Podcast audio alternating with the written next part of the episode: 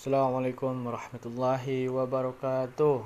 Balik lagi bareng gue Tegar Subagja di podcast Muda Berbicara FM Yang insya Allah ingin berdakwah seputar anak muda Ngobrol santai bareng kawan Dan mengungkap berita terkini terhangat terupdate Dalam sudut pandang ilmu ekonomi syariah. Sudah lama tidak bersua dengan bersuara di podcast gue udah lama banget gak ngobrol-ngobrol santai uh, gak memberikan sesuatu buat teman-teman. Kali ini gue bakalan berangkat uh, dari personalitas sebagai uh, manusia Sunda atau orang Sunda lah.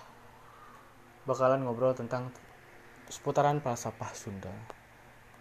Kita bakalan kupas mengenai pemaknaan atau arti dari Sunda itu sendiri Sunda kalau kita berangkat dari sebuah kata perkatanya bisa diartikan dengan memakai uh, beberapa metodologi yaitu salah satunya adalah sastra jendra Sunda asal katanya dari su, na, dan da. Su itu adalah sejati, na itu adalah api, dan da itu adalah wujud atau bisa bisa diarti, bisa diartikan sebagai agung, atau besar atau sejati. Jadi kata Sunda itu mempunyai arti atau e, makna sekaligus yaitu adalah api yang sejati atau api yang agung. Nah, apa sih api yang agung itu? Api yang agung itu adalah matahari atau biasa orang Sunda sebutnya panon poe. Cenah gitu. Masyarakat Sunda asli itu mempercayai bahwa tidak ada kehidupan uh, kita di dunia ini ataupun alam yang terjadi sekarang ini tanpa adanya sumber kehidupan yaitu adalah matahari. Matahari dipercayai bahwa dialah yang menghidupkan kita, dialah yang menghidupkan alam, dialah yang menghidupkan semesta. Cikal bakal terjadinya sesuatu yang ada di alam dunia ini adalah karena adanya sumber kehidupan yaitu matahari terciptanya manusia itu terlepas dari sang pencipta atau hiang uh, matahari pun juga ikut serta dalam hal tersebut. Dan sumber matahari ini tidak terlepas terkoneksi dengan empat zat yang kita ketahui atau empat unsur yaitu ada api, ada air, ada tanah, ada udara atau angin.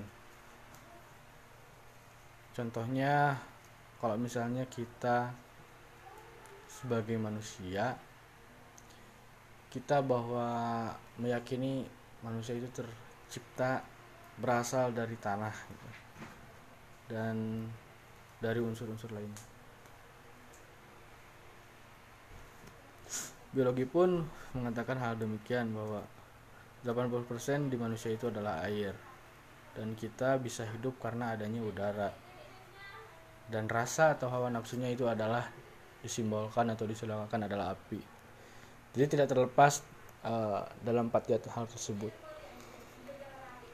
Ketika kita uh, kupas dalam uh, metodologi Sunda, yaitu sastra jendra, Ketika matahari terhubung atau menyatu dengan empat zat tersebut, maka bisa dinamakan adalah matahari menyatu dengan matahari itu kan ra terus menyatu dengan ga atau yang artinya kuasa jadi bisa diartikan jadi raga gitu.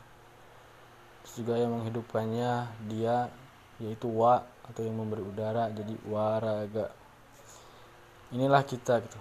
Cikal cikal bakalnya jadi manusia itu jadi waraga kalau kita dikupas menggunakan uh, metodologi tersebut. Terkadang orang uh, apanya terlintas dalam pikiran bahwa Sunda itu nanaunan sih kawan atau Sunda tuh kampungan lah dan lain sebagainya. Bahwa Sunda itu tidak demikian kalau misalnya kalian sudah paham betul sudah memahaminya kalian bakalan merasa malu kalian bakalan merasa ya gak ada apa-apanya lah. Kalau kalian udah benar-benar memahami tentang Sunda.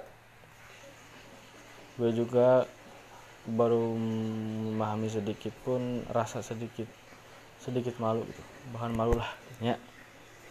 Dan menghilangkan statement atau stigma dari pemikiran masyarakat hari ini bahwa Sunda itu bukanlah suku atau etnis atau ras.